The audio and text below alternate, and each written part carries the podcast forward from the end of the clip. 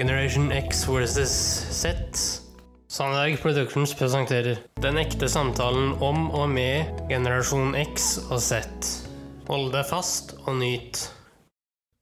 Hei, hei, kjære lytter, og hjertelig velkommen til dagens episode av Generation X versus Z. Og i dag, kjære kompanjong, Yes. så er det påskeaften. Det er det, og jeg aner ingenting om hva som kommer til å skje nå. Jo, i dag så skal jeg hovedsakelig, da Ja. Vi skal begynne med å hylle en mann som vi som ser på Formel 1, har blitt kjent med gjennom et eh, lag i Formel 1. Bilracer Formel 1. Riktig. Eller Motorsportmesterskapet Formel 1 har et eh, team som heter Williams Racing. Og vi skal bli kjent med mannen bak, og hylle mannen bak. Jeg trodde du skulle ta Hamilton ja, nå, da. Sir Louis Hamilton og B? Nei. Uh, men vi skal til en annen sir, nemlig sir Frank Williams. Fortell litt om han. Altså, han var en vanlig mann fra Storbritannia. Ja. Som veldig ung, jeg tror han var 18 eller noe sånt.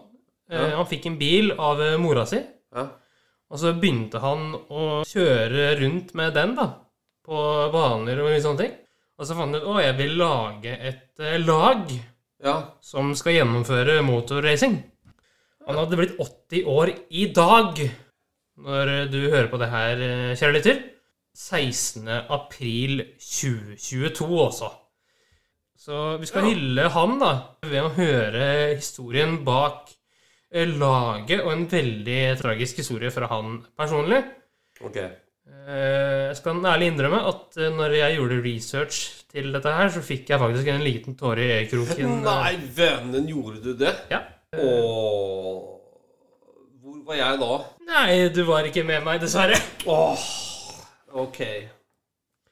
Mm, ja. Ja. Skal vi begynne, da? Vi begynner, vi. to the very pinnacle of Formula One. This is the remarkable story of how one team fought against the odds to become Formula One's ultimate racing family. These are the origins of Williams. In 1961, a 19 year old motoring enthusiast from the northeast of England persuaded his mother to lend him £80 to help fund the purchase of his first ever car, an Austin A35. The teenager took the car to an amateur race at Leicestershire's Mallory Park, charging through the field before crashing and rolling onto an embankment. The driver who emerged from the wreck was Frank Williams, a man who loved one thing more than anything else speed. After working as a driver, mechanic, parts salesman, and team manager, Frank set up his own racing team and by 1969 had worked his way into Formula One with driver Piers Courage. Frank was following in the footsteps of the likes of Cooper and Lotus, Formula One teams formed by motorsport enthusiasts who built cars in their own backyard garages, motivated by the pure thrill of going racing. These disruptive, independent outfits were at odds with manufacturer teams like Ferrari, prompting the great Enzo Ferrari himself to dismiss them as garagistes. A common problem with garagiste life was a lack of cash, meaning that at one point Frank Williams ran his team from a local phone box, calling suppliers and sponsors from the street after his factory phone was disconnected due to unpaid utility bills. So in 1976, Frank sold his team to Canadian businessman Walter Wolf. Frank was sacked as the team's manager before Wolf Racing won on their debut at the 1977 Argentine Grand Prix. Back in England, the news of Wolf's victory filtered through to a heartbroken Frank Williams, who was down but not out. He went into business with ambitious young engineer Patrick Head, a man who shared Frank's tough, no nonsense approach. The two used Frank's money from the Wolf sale to set up a brand new team, Williams Grand Prix Engineering. With just 17 staff, they set up shop in an old carpet warehouse in Oxfordshire, turning up on their first day without the front door keys, breaking into the building just so they could start work. It was a perfect partnership. While Frank organised the team and secured new sponsorship from the Middle East, Patrick was the creative force behind Williams' first race car, the Cosworth powered FW06.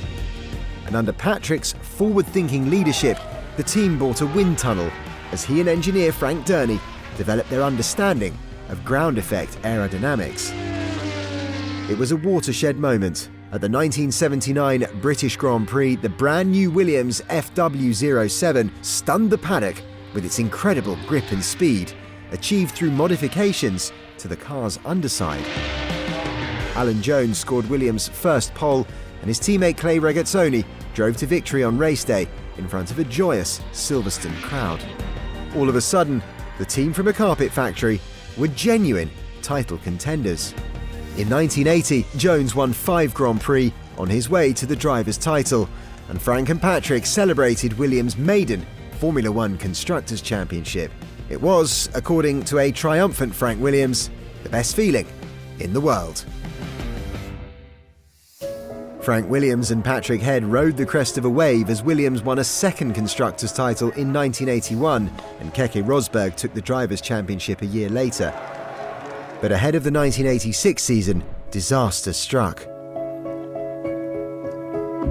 Now in his 40s, Frank Williams still drove like he did as a teenager, fast and right on the limit. And as he headed from pre season testing at Paul Ricard to Nice Airport, Frank lost control of his rented Ford Sierra. His injuries from the accident were life threatening, and his wife Ginny fought to keep him alive, at one point convincing doctors not to turn off his life support machine. Now paralysed from the neck down, Frank focused on his recovery as Patrick Head led Williams into that year's Formula One season.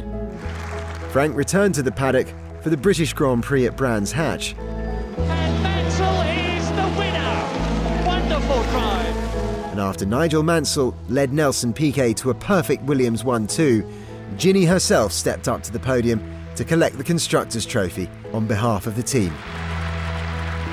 After her fight for Frank's life, it was a moment of raw emotion. And now more than ever, Formula One would be Frank's reason to live. It was Frank's sheer determination to go racing that inspired Williams as they entered their most dominant and innovative era. Under the leadership of Patrick Head, Williams often led the Formula One field in engineering creativity. The cutting edge work of chief designer Frank Dernie in the Williams wind tunnel, alongside a young Ross Brawn, helped propel the now Honda powered Williams to back to back constructors' crowns in the mid 80s and Nelson Piquet to the title in 1987 and in 1990, Head hired prodigious aerodynamicist Adrian Newey. The pair designed the groundbreaking FW14B, complete with traction control, anti lock brakes, semi automatic gearbox, Renault engine, and active suspension, programmed by electronics chief Paddy Lowe. The FW14B powered Nigel Mansell to the 1992 driver's title, as Williams won another constructor's crown in one of the most dominant seasons Formula One has ever seen. And after Alan Prost had won his fourth championship in the FW15C in 1993, the newly designed FW18 and FW19 cars took Damon Hill and Jacques Villeneuve to consecutive drivers' titles in 1996 and 1997. For Williams, 1997 marked their fifth Constructors' Crown of the decade. More than any other team, the 1990s belonged to them. Since its formation in 1950, the Formula One World Championship had seen plenty of British success, but it was the ever changing fortunes of homegrown Williams drivers Nigel Mansell and Damon Hill that took the passion of British fans to new heights. No longer were Formula One races solely the subject of newspaper reports or late night TV highlights packages.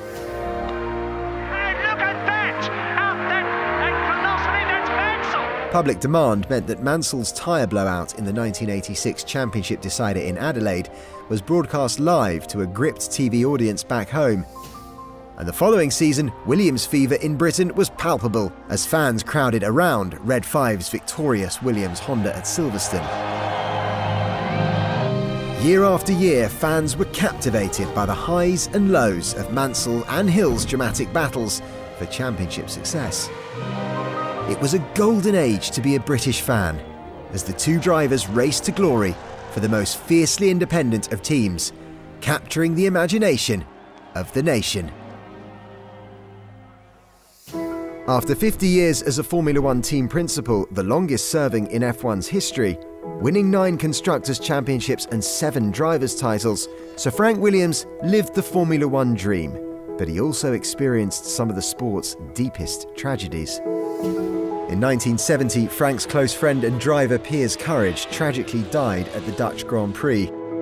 And Williams, along with the whole racing world, were devastated by the death of triple world champion Ayrton Senna at Imola in 1994. Despite his own life changing accident, Frank's fundamental love of racing remained unshaken as Williams became an anomaly in a Formula One grid dominated by big money and customer teams. Even after his daughter Claire assumed the day to day running of the team, Frank still went to work seven days a week, sleeping in the factory and only taking Christmas Day off. And while still the figurehead at the team, Frank was recognised as the world's oldest surviving tetraplegic. His strength, tenacity, and love of racing were never in doubt. In 2020, and after half a century at the top of motorsport, Frank and Claire Williams sold the team to investment firm Doralton Capital. Though it marked the end of an era for Frank and Claire, it was a move that secured the future of Formula One's last great privateer for generations to come.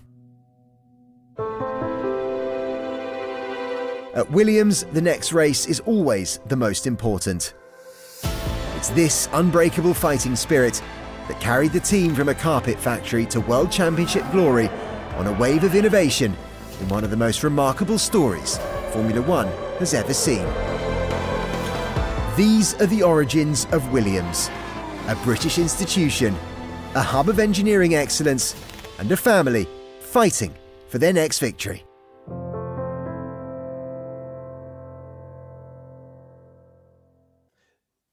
En sentimental og en eh, fantastisk flott historie, der, Henrik. Ja. Mye dramatikk. Ja, det hele starta med Tersen 80 nå. pund. 1961, var det ikke? Jo, omtrent. Eh, han var 19. Men du, hvordan går det med Williams eh, i dag? Og hvem kjører for Williams? Nei, altså, den som kjører for Williams i dag, er eh, Nicolas Latifi og Alexander Albon. Ja. Eh, I talende stund så går det ikke så bra. Eh, men eh, frykt ikke, kjære lytter. Neste Grand Prix er søndag eh, 24. april i eh, Italia. Vi følger med. Det gjør vi. Men en ting til. Frank Williams er død. Ja, Det er også en hyllest. Dette er også til, eh, til han. Ja, eh, og vi er ikke ferdig. Vi skal hylle mer. Vi skal hylle en, eh, egentlig en tragedie vel. eh, som skjedde parallelt med en annen tragedie, faktisk. Mest sannsynlig. De mye tragedie i dag, eller? Ja, det er mye tragedie i monitor. Nå skal vi høre om Titanic. Why? Fordi det sank 15. april 1912. Vi skal høre en filmtrailer Ja. eh, fra 1997 med Kate Winslet og Leonardo DiCaprio i hovedrollene. Den filmen husker jeg veldig godt.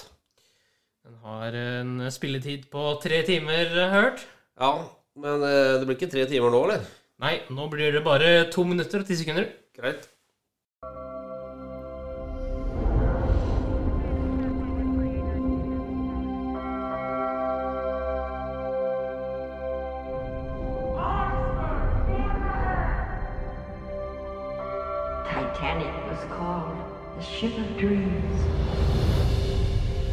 Was. It really was. All right, open your eyes.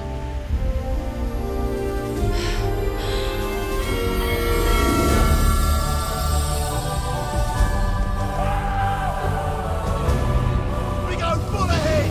Put your backs into it! Got everything I need right here with me. I figure life's a gift, and I don't intend on wasting it. You never know what hand you're gonna get dealt next. You learn to take life as it comes at you. When the ship docks, I'm getting off with you.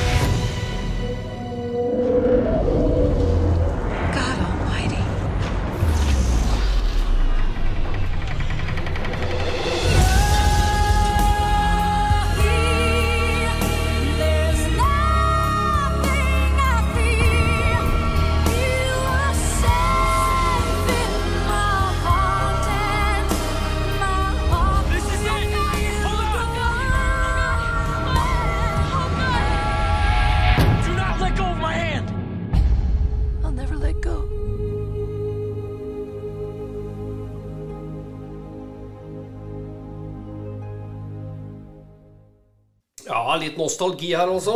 Ja, for veldig mange. Jeg har aldri sett filmen Titanic. Jeg syns du skal gjøre det. Det varer, som du sier, da Tre timer. Tre timer. Men eh, ja. Hvis du skal se en film, så er ikke den dum å se, for å si det sånn. Nei. eh, og rett før vi spilte inn dette her, så så vi jo på en kvalifisering til Formel 1 i to timer. Så Vi gjorde det.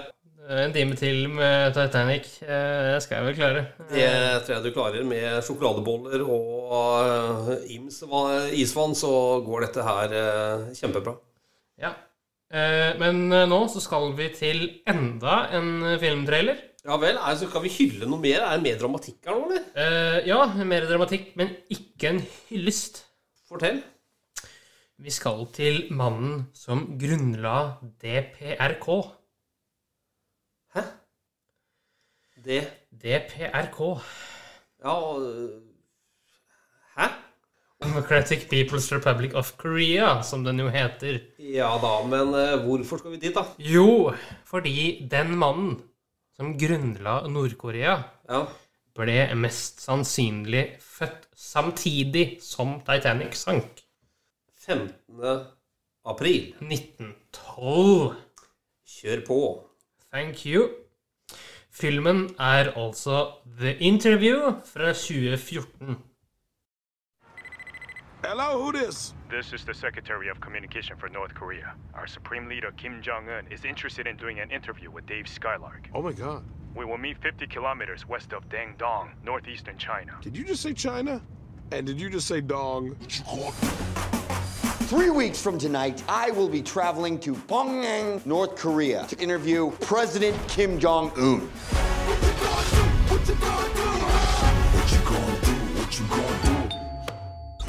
Mr. Rappaport, I'm Agent Lacey with Central Intelligence.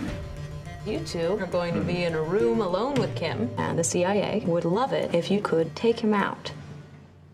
Hmm? Take him out. For coffee? Dinner. For kimchi? No, uh, take him out. You want us to kill the leader of North Korea? Yes. What? Hello, North Korea! I've watched every episode of your show in preparation for this interview. I particularly enjoyed the Miley Cyrus camel toe episode. Wow. Very deep. Very deep. Yeah, she has quite a hearty moose knuckle. Gentlemen, you are entering into the most dangerous country on earth. Please remember, Kim Jong un is a master manipulator. I have a gift for you. Oh, oh, this dog is killing me with cuteness. It's a crazy cute. Just wish we had an escape plan. Why don't we go to Japan? Well, because it's across the Sea of Japan. Why don't we swim? Can't swim that. Oh, I'm a good swimmer. It's really, really far. People have done it. Nope. Yep, Michael Phelps did it. That's not true.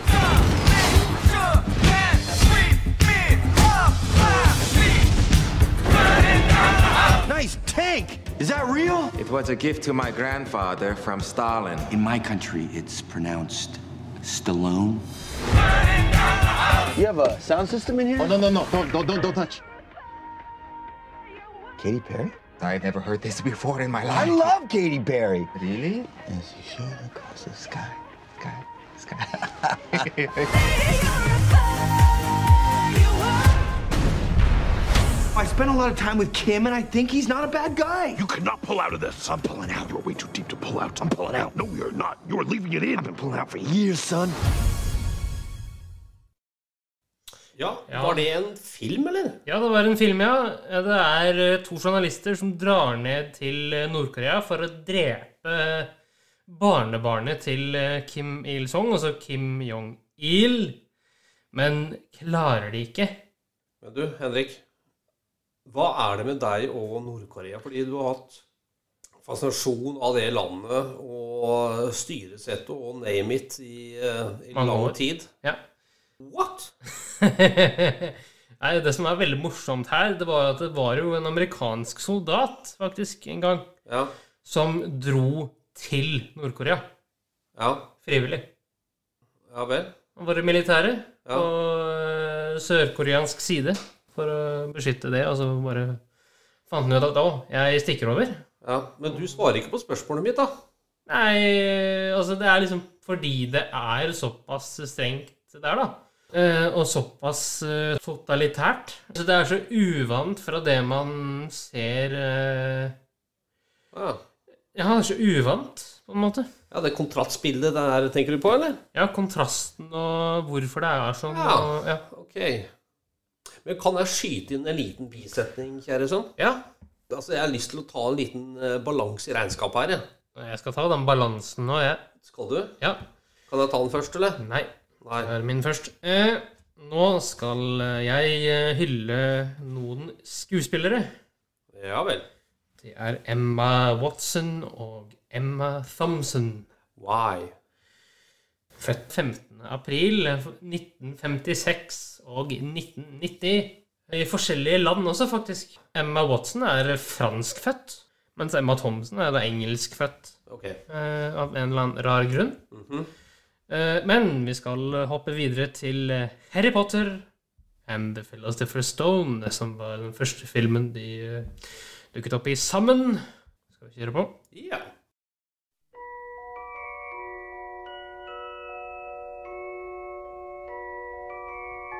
Did you ever make anything happen?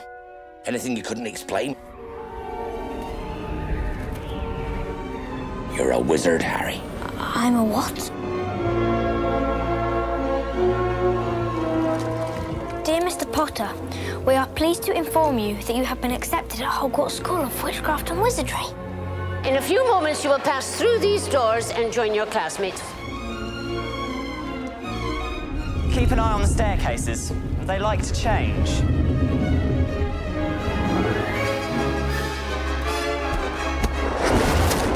Good afternoon, class. Welcome to your first flying lesson. Stick your right hand over the broom and say up. Wow. Mr. Longbottom, Mr. Longbottom, Mr. Longbottom, exactly where do you think you're going? Do you really have the scar? Wicked. Mr. Potter, our new celebrity. First years should note that the Dark Forest is strictly forbidden, that no magic is to be used between the classes in the corridors. Petrificus totalis. The third floor corridor is out of bounds to everyone who does not wish to suffer a most painful death.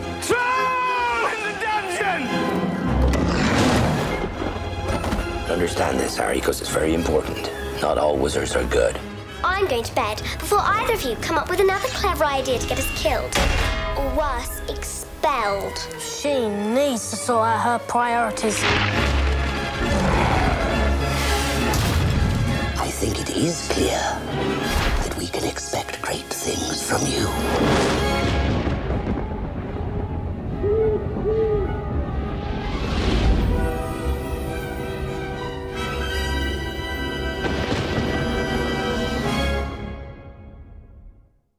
Ja, det var altså eh, traileren til eh, Harry Potter and The Philosopher's Stone fra 2001.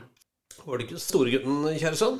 Og det minner meg om én ting. Jeg må få balanse her. Og, eh, vi må få fram eh, underets makt og 15. aprils eh, største begivenhet. Og Ja. um, jeg må få si det. Da ble Henrik født. Eh, ja, det tror jeg vel eh, de fleste vet, for du har nevnt det opptil flere ganger eh, i april. Ja. Hva er det du ønsker deg til bursdagen din, da? Nei, eh, er det mulig å få eh, 3000 liter, da? Ja. 3200 liter, kanskje? Ja, Er det målet? Er det mulig? Spre budskapet, folkens. Spre budskapet. Og når du hører det her, så har jo jeg allerede fylt år. Ja. Så spre budskapet for det. Pleier å ha NRK, Henrik? Ja. Og i dag så skal vi faktisk hylle deg litt, Kjell Kompanjong, i NRK-innslaget. Meg? Ja, vi skal til eh, litt uh, shenanigans. eh. Hva kalte du det? Nei, altså pøbelstreker, da. Ja, ja, ja, ja, ja. Nå snakker vi. Mm. Skal vi kjøre vignett? Kjør på.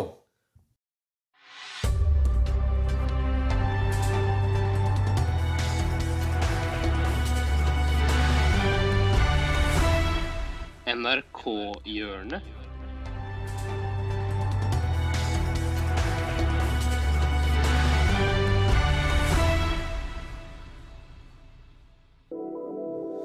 Ja, vi skal selvfølgelig til eh, det faste innslaget NRK-hjørnet. Og i dag eh, så skal vi til eh, tre voksne menn som snakker om litt sivil ulydighet. Nå begynner vi, ja. Nå, det, nå begynner jeg å like systemet bedre og bedre. jeg. Kjempebra. I dag har vi lyst til å prate om pøbelstreker. Pøbelstreker. For vi var noen pøbelister, var vi ikke? Pøbelister. Om Jeg husker Om- veldig godt men jeg tror jeg Vi drepte jo en fyr. Ah, det gjorde det? En Ja, ja. På, nei, nei, på uh, epleslang. Var det noen av dere som gjorde noe fucked up shit? Jeg, jeg personlig var ikke en shitkid, ass. Ja, Eh, men du ingen sånn epleslang og sånn shit. Ring på, ring på spring. Det er ting der man skal løpe, Ja. og sånne ting, det gjorde jeg ikke. Nei, jeg og Lars Vatle Ja, Lars Vatle, men jeg- ringte til McDonald's i USA. Men jeg syns ikke sånne ting var gøy. Min beste, Skjønner jeg mener? min beste hva, hva faen? Du har sikkert noe helt insane historie. Nei, men eh, Lars Lars eh, Lars Vatle? Lars Vatle. Ja. Eh, Ikke inkriminerende. Jo, jo, men hva, Nei, fin, fin hva heter, ja. heter jente... Nei, katt. Ja, det er ikke en pøbelstrek. Det var, det var sex education i klassen. Alle kunne levere og lapper oppi en boks. sant, Eh, så skriver Lars Vatle shout out til Lars Vatle, på en lapp eh, Kan du andre navn på pikken til katten? Spurte læreren om det. For generelt, for han, han la opp i dritmye lapper. Sånn som dere sitter nå, satt jeg i det klasserommet. Jeg lo så jeg grein. Og jeg skjønte jo ikke hvem som hadde skrevet de lappene. Jeg visste jo ikke. Så det, så les, tar eh, læreren opp den lappen, leser 'Kan du andre navn på pikken til katten?' Eh, jeg ler så jeg snotter. Alle snur seg mot meg. Alle snur seg mot meg og sier sånn Gidd, da! Vi prøver faktisk å lære her.' Så jeg sånn, 'Det er ikke meg!' Jo, vi vet det. Det er bare du som ler. Ah, Hva slags faktisk prippende elever er det du gikk rundt med? Jeg prøver å lære her! Det var jo i eh, 2003, eller hva faen det var. Okay. I 2008, altså eh, etter videregående, yeah. så flytter jeg og Lars inn i et kollektiv sammen. Første kollektiv noensinne. Og så forteller jeg den historien på et eller annet vorspiel vi har. Der jeg sier sånn, jeg skjønner faen ikke hvem som skrev den lappen. Alle trodde det var meg. Der Lars sier sånn Å, det var meg. Ja, ja. Han hadde ikke fortalt det før det? Nei, nei, ikke i det hele tatt. Det gikk, det gikk sånn fem-seks år før jeg fant ut at det var Lars som hadde spurt læreren vår om hun kunne andre navn på pikken til katten.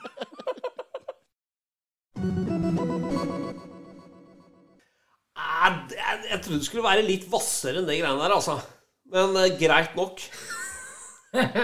Ja, altså, du er jo Du er jo ti år fra å kunne gå med pensjon, eh, Kjell Kompanjong. Eh, eh, og hva skal du gjøre, da? Eh, når du pensjonerer, da? Jeg må finne på noe. Og jeg eh, har jo drodla litt rundt det å starte en bestefar-klubb-typ.